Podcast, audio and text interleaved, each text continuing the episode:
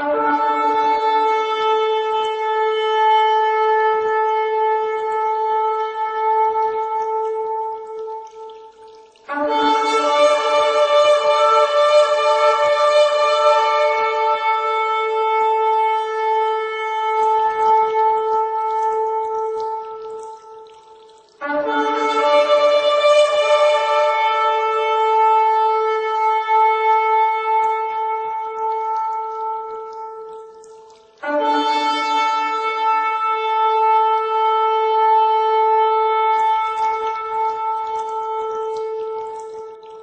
Pod kopem, odcinek trzeci. Odcinek zainspirowany Waszymi komentarzami pod symbolowym odcinkiem. Na początku dziękuję wszystkim za nowe propozycje nazwy, zwłaszcza pół godzinki dla blondynki przypadło mi do gustu, ale niestety jest to już właściwie blondynkowe e, tytuły są zarezerwowane. Pani Beata Pawlikowska używa blondynkowych tytułów od lat. Nie będę z nią rywalizować. Zresztą opowiada bardzo ciekawie o różnych rzeczach związanych z podróżami, z ludźmi, miejscami, szamanami. Zostanę przy kwadransie. Ale potraktuję kwadrans jako pewną przenośnię. Odcinki mogą być dłuższe, no i zazwyczaj będą już. Postaram się jednak mówić tak ciekawie, że mignie Wam to wszystko tak jak kwadrans. Mam nadzieję, że zostawię Was z równym niedosytem jak po poprzednich odcinkach. Od czego zacząć dzisiejszy? Myślę, że od takiego głównego symbolu pojawiającego się w wszystkich teoriach spiskowych, na wszystkich stronach pod tytułem tu są masoni, tam illuminati, tu jest spisek, tam jest spisek, tu szatan się miesza i namalował trójkąt w kościele. E, troszkę ironizuję, no ale jakie mam zdanie o symbolach, wiecie po poprzednim odcinku. Teraz postaram się Wam e, wyjaśnić to bardziej szczegółowo.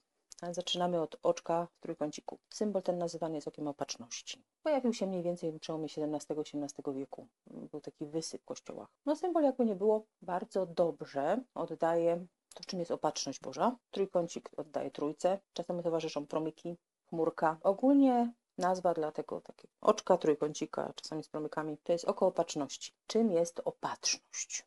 Było coś takiego w Rzymie, jak Providentia to była bogini, symbol czuwania, opieki nad cesarstwem. Przedstawiana jest na monetach, to jest taka kobietka, tam kula leży u nogach, tu ma jakieś berło, specjalny jakiś kult jej nie otaczał, raczej była symbolem i przenośnią. Opatrzność, taka rozumiana przez chrześcijan czy Żydów na podstawie Biblii, jest to nieustanna władza, opieka boska, takie trzymanie ręki na pulsie wszystkiego, co się dzieje, a właściwie Oznacza to, że Bóg wie od początku do końca, co się stanie ze stworzeniem. Nic nie wymyka się Jego kontroli, władzy, nic nie dzieje się bez Jego wiedzy, zgody, niczym Go nic nie zaskoczy. Wszystko ma swoje miejsce w Jego planie dla stworzenia. Nie zostawił stworzenia samym sobie.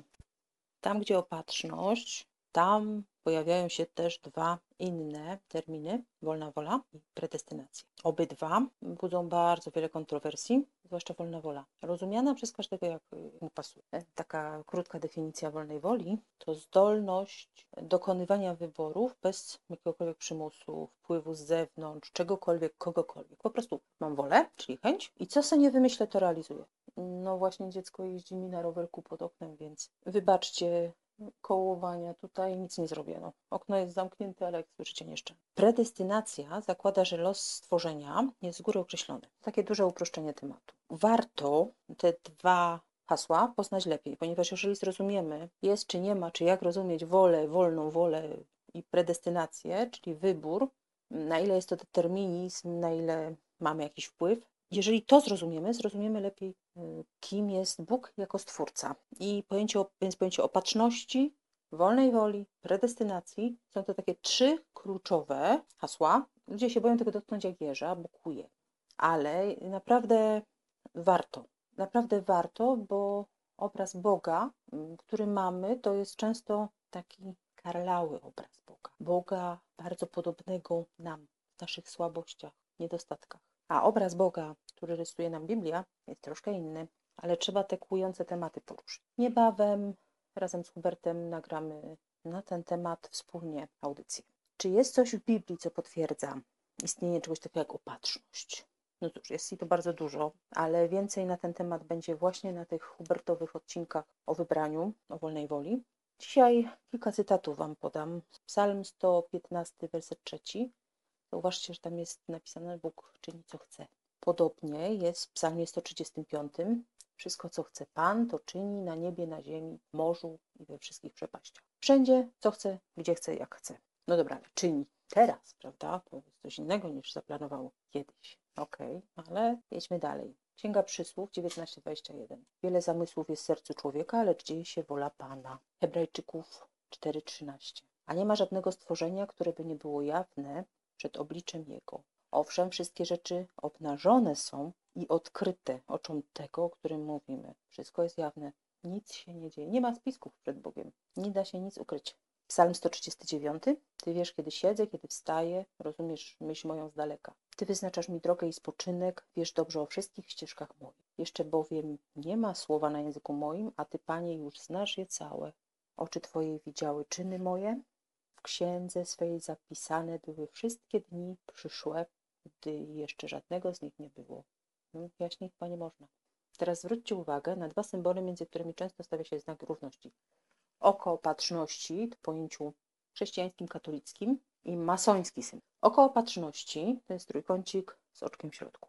Masoński to jest piramida niedokończona, na szczycie której jest oko opatrzności. Dlaczego? Bo piramida się buduje ciągle. Yy, masoni byli w większości deistami. Zauważcie, te symbole są podobne, ale nie są takie same. To jest podobieństwo.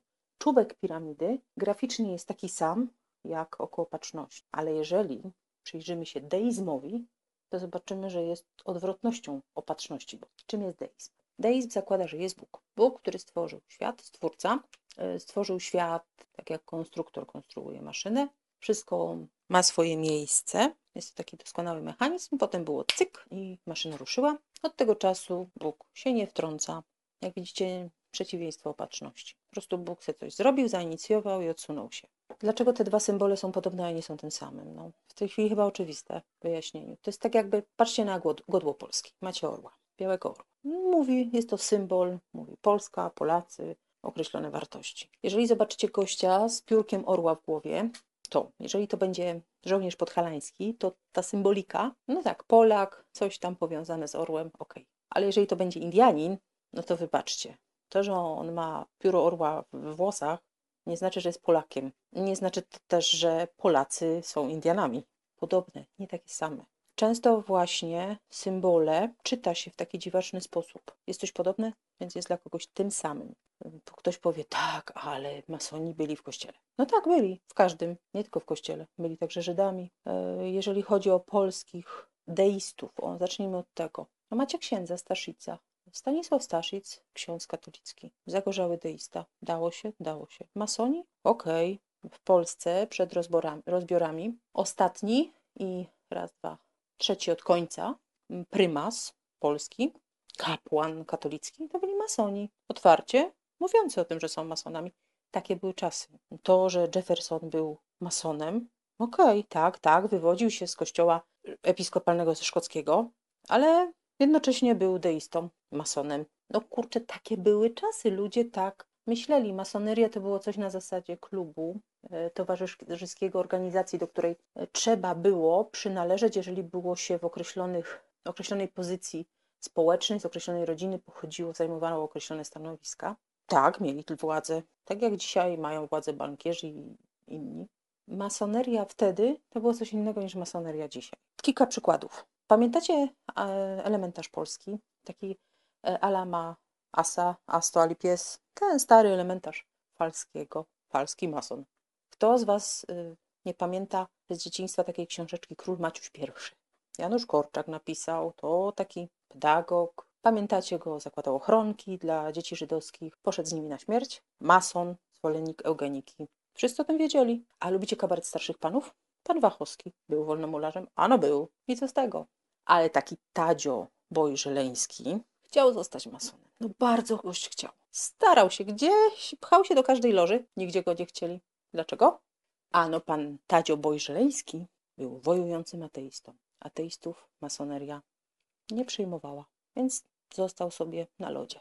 Wróćmy do deizmu. Deizm nie uznawał cudów, e, zmartwychwstania. Tam było po prostu wszystko taką fajną, całe stworzenie było fajną, dobrze funkcjonującą maszyną i my pracujemy dalej, żeby ta maszyna funkcjonowała i rozwijała się. Jefferson, jeden z ojców narodu, jak przystało na deistę, uznał, że Biblia została zmanipulowana. No bo ci, którzy chodzili z Jezusem za Chiny, nie rozumieli, co on gada. Trzeba było go poprawić, więc Jefferson wziął sobie Biblię, wyrywał to, co uznał za niemożliwe, więc Bóg nie uzdrawia, nie czyni cudów, nie ma proroc, no mnóstwa rzeczy. Za to bardzo cenił e, Jezusa jako nauczyciela, reformatora, reformatora prawa. Stworzył tak zwaną Biblię Jeffersona, to jest tak na nowo napisane życie Jezusa z Nazaretu. No cóż, no, no cóż, no wolno mu było. Nie wierzył w anioły, nie wierzył w to, że Bóg ingeruje w coś, ale wierzył, że Bóg jest. Czy Stany Zjednoczone zostały założone na fundamencie chrześcijańskim? A no tak, jak najbardziej. Czy się to komuś podoba, czy nie, Stany Zjednoczone zostały założone na fundamencie chrześcijańskim, rozumianym jako zasady moralne, etyka, prawo chrześcijańskie. Ponieważ jego twórcy, niezależnie od tego, czy byli chrześcijanami, czy byli deistami, czy byli masonami, uznawali te zasady jako jedyne, podstawowe, prawdziwe, tak u podstawy prawa Stanów Zjednoczonych, konstytucji, podstawy państwa stoi chrześcijaństwo, stoją chrześcijańskie wartości, moralność, etyka. Nikt tego im nie zabierze.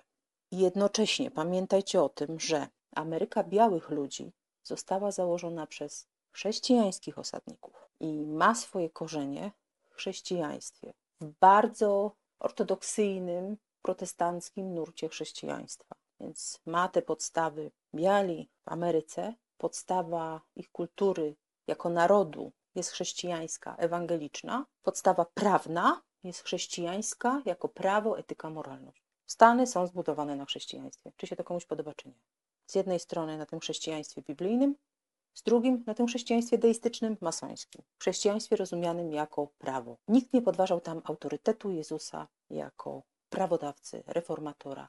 Kogoś, kto daje podstawowe, prawdziwe i jedyne warte naśladowania wartości moralne i etyczne. Symbol oka i trójkąta. Pomyślcie, chcecie w najkrótszy sposób graficznie przedstawić opatrzność, przedstawić to, że jest ktoś, że cały czas ktoś coś czuwa, patrzy, wszystko widzi, nic mu nie umyka. No lepszy symbol niż oko? Nie da się, oko jest najlepsze. Trójkąt, ok, trójca. I tutaj zaraz odezwie się ktoś z symboliką duchową, moce, terefere. Idąc do kibelka, macie też ten symbol. Trójkąt, kółeczko. Masony tam byli, Illuminati? Nie. Przyjęło się, że trójkąt to jest facet, kółko kobieta. Ale jeżeli trójkąt odwrócicie do góry nogami, że czubek będzie na dole, to komuś się to może skojarzyć z kobietą. Z góry głonowej i te sprawy. Więc popatrzcie na symbole, mniej demonizując je. One są tym, co chcecie w nich widzieć. Jeżeli ktoś będzie sfiksowany na punkcie masonów, iluminati, spisków, to nie wejdzie do kibelka, bo będzie tam trójkąt.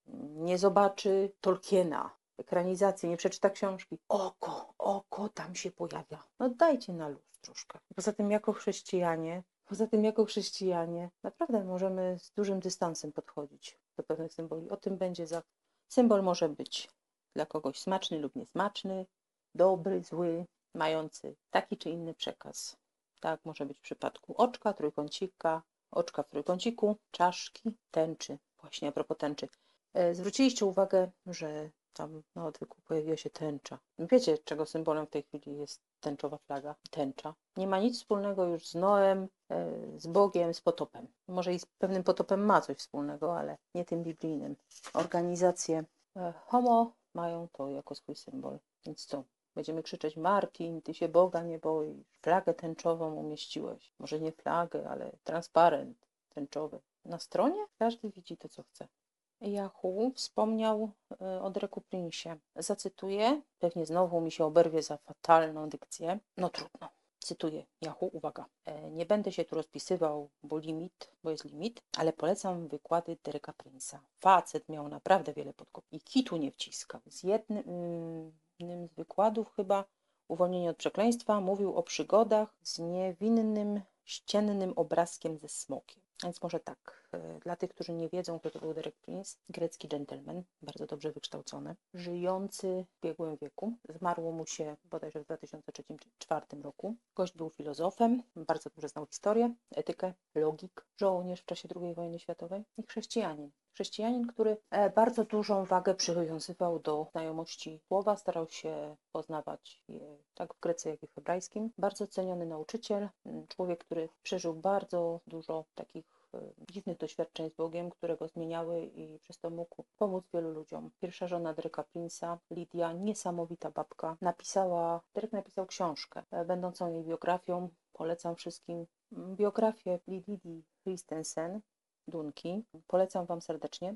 Nosi ona tytuł Spotkanie w Jerozolimie. To jest jedna z dwóch książek, które naprawdę polecam z ręką na sercu. Obydwie są biografiami kobiet, ale są to biografie takich bab z jajami. Chrześcijanek z życiorysami takimi, że czapki z głów, panowie. Y, więc Spotkanie w Jerozolimie Dryka Prince'a, książkę opowiadającej o jego żonie Lidii. Druga, Bezpieczna kryjówka, Cory ten Boom. To była taka dygresja. A teraz wracamy do, do, do Deryka. Niestety nie ze wszystkim się z nim mogę zgodzić, nie tylko ja. Jego nauki na temat możliwości, y, łatwości, z jaką chrześcijanie mogą być pod wpływem demonów, są takie mocno naciągane. Z niektórych rzeczy później się delikatnie powycofywał, ale no, poszło to już w świat. Jeżeli chodzi o historię mm, obrazków, obrazów ze smokami, to faktycznie ta historia jest opowiedziana w wykładzie Y, uwolnienie od przekleństwa. Jak ktoś chce, znajdzie ten, na pewno te wykłady są w internecie. Y, to jest zaraz na początku, jakieś pierwsze 15-20 minut wykładu, tam gdzieś jest ta historia powiedziana. Już pierwsze ale moje to jest takie, że Derek połączył dwie rzeczy. Wyrzucenie, usunięcie obrazków, smoków, które tam. Po prostu Derek Prince dostał w spadku po dziadku. To była taka rodzina brytyjska, żołniersko-podróżnicza, siedziała w Indiach, w Chinach, w różnych miejscach. E, po dziadku dostał w spadku chińskie smoki. Piękne chińskie smoki. Te obrazy, no, no hmm, ładne, powiesił na ścianie. Po pewnym czasie to takie przekonanie miał, mm, jak sam mówił od Ducha Świętego, że to nie jest właściwe, żeby te obrazki wisiały tutaj, że w jakiś sposób, bo są to mm, symbole smoka, związane są bardzo ściśle z wierzeniami chińskimi połączonymi z magią i symbolizują określone rzeczy, mają przynosić określone rzeczy do domu. E, właściciela. Więc jakieś miał przekonanie Derek, że nie wypada, żeby on tak te smoki na ścianie eksponował. W końcu stwierdził, że to Bóg mu nie daje spokoju z tym i te smoki zdjął. Po jakimś roku zaczął mu się powodzić lepiej finansowo. Lata później Derek połączył te dwie rzeczy, że wyrzucił smoki i po, w ciągu roku zaczęło mu się lepiej powodzić finansowo. Dla mnie połączenie tych dwóch rzeczy to w ogóle jest dużym nadużyciem. Powodziło mu się lepiej finansowo? Tak. Czy to miało związek ze smokami? Mm, bardzo wątpię. Czy Duch Święty mógł go przekonywać o tym, że należy usunąć te smoki ze ściany? A jakże e, mógł. Dlaczego? Dlatego, że jest taki werset, który mówi coś o cennych przedmiotach związanych z kultem innych duchów bożków. W Księdze Powtórzonego Prawa, to jest inaczej piąta księga Mojżeszowa, siódmy rozdział końcówka. Macie tam opisaną historię, że Bóg wyda narody, królów i tak dalej w ręce Izraelitów. I co? Posągów ich bo posągi ich bogów spalisz, nie pożądaj srebra i złota, które jest na nich, abyś się przez nie nie usidlił, gdyż jest to obrzydliwością dla Pana Boga Twego. Nie przynoś tej obrzydliwości do Twego domu, bo zostaniesz obłożony klątwą, tak jak ono. Będziesz się tym brzydził i czuł do tego wstręt, gdyż to jest obłożone klątwą. O co chodzi? Otóż, w jaki sposób mogą takie przedmioty usidlić? No są cenne. Zaczynamy im poświęcać uwagę i czas. E, jesteśmy dumni, pokazujemy je, chwalimy się nimi. A dla Boga są obrzydliwością? Tak, są obrzydliwością, bo ktoś inny się modlił przed tym obrazkiem, przed tą figurką, oddawał mu cześć, bił pokłony przed nią. No a przykazanie jakie mamy, jakie mamy, prawda? E, nie będziesz sobie czynił rzeźby, nie będziesz nie mamy modlić się do, do żadnego przedmiotu stworzonego. Obłożone klątwą, obrzydliwe, czyli nietykalne. Na tej zasadzie po prostu nie przynoś do domu takich rzeczy. No, się zaczniesz chwalić. Wyobraźcie sobie, dostajecie w prezencie posążek bogini Kali. Paskudna bogini hinduska. No, ale posążek jest złoty. Jest to piękna robota, powiedzmy, XV-wieczna. Cenny, piękny. Stawiacie go na eksponowanym miejscu. Jest to rzecz, którą się chwalicie. Cenna rzecz. Zaczynacie się martwić, żeby nikt jej nie zniszczył, zabezpieczacie ją. Zaczyna ona e, zajmować takie ważne miejsce w waszym życiu dla was. Staje się cenna. Jest tym, czym się chwalicie. Trochę to chyba nie tak ma być, prawda? Kolejna rzecz to jest taka, że mm, ten posążek pokazuje bogini, paskudną bogini, dla której często brzydkie rzeczy robiono, łącznie z zabijaniem ludzi. Eksponowanie go, chwalenie się nim. Czy te smoki albo jakiś inny symbol, nawet nie wiem, ktoś sobie behemota, wizerunek powiesi na ścianie, ma sam w sobie moc? No nie, i o tym też jasno mówi Biblia. Przecież Jeremiasz, y, Ezechiel, oni się śmieją z tego, że ludzie w takie rzeczy wierzą. Macie u Jeremiasza coś takiego o, o ludziach, którzy mówią do drewna, ty jesteś moim ojcem, do kamienia tyś mnie zrodził. A obrócili się plecami do tego, który ich naprawdę stworzył.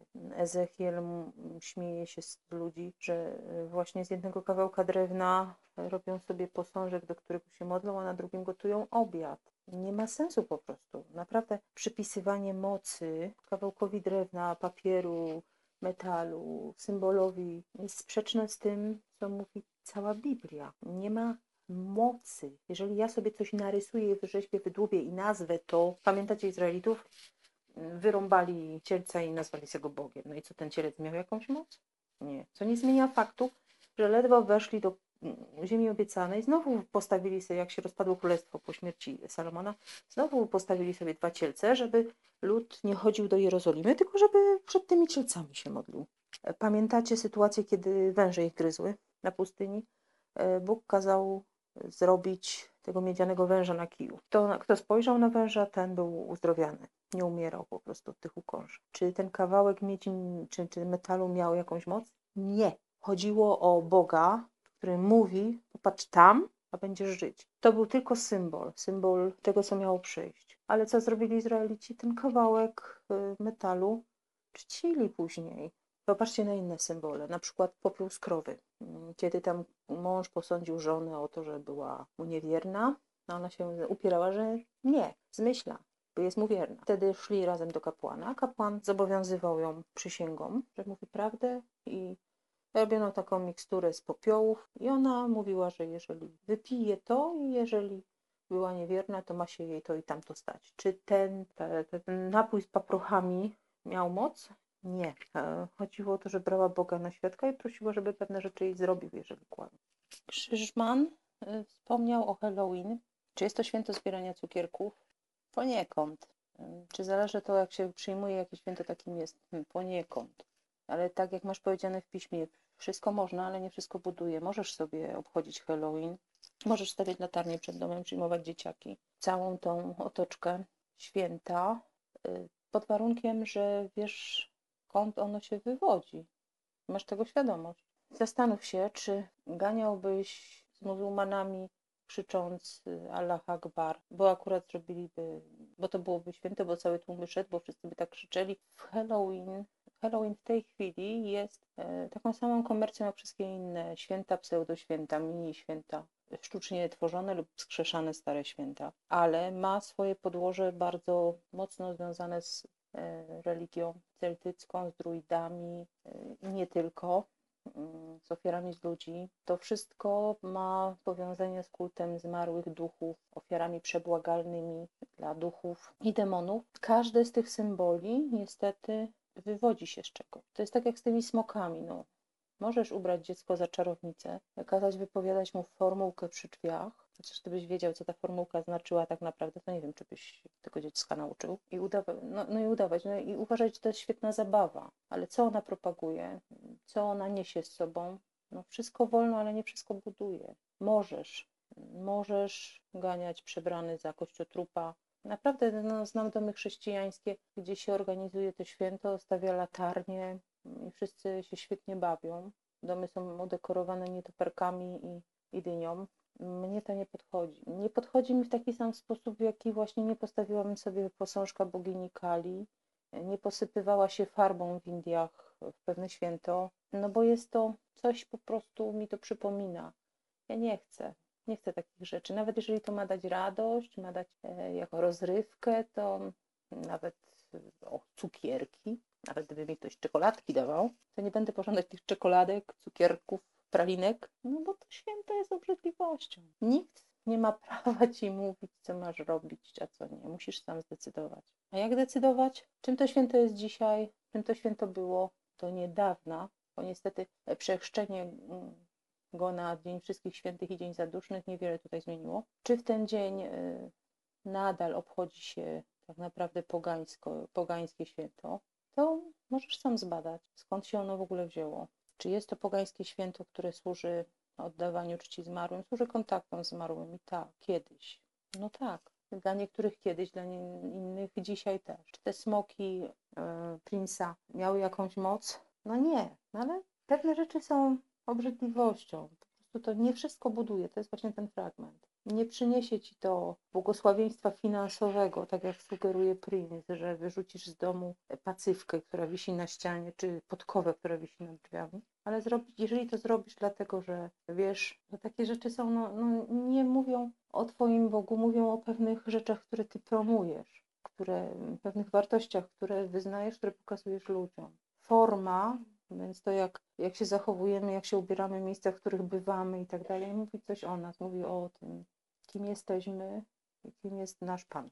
Czy to znaczy, że nie wolno? Czy ktoś powiedział, że nie wolno jeść mięsa z jatek? Nie. Jest powiedziane w piśmie, że nie, jeżeli ktoś ci zwróci uwagę, że to było ofiarowane demonom i to, że to jego może zgorszyć, że ty bierzesz w tym udział w jakiś sposób, jedząc to mięso, to masz tego nie jeść. Jest powiedziane, że jeżeli kogoś będzie gorszyć, jesteś w środowisku, w którym będzie gorszyć to, że jesz mięso, no lepiej jeść jarzyny, prawda? No i tutaj nie chodzi o moc, tylko chodzi o naszą postawę względem innych ludzi. Jeżeli ty wyślesz swoje dzieciaki i one będą biegać przebrane za czarownice, diabły, kościotrupy będą biegać, zbierać cukierki, ktoś inny powie, a to jest, wszystko jest okej. Okay.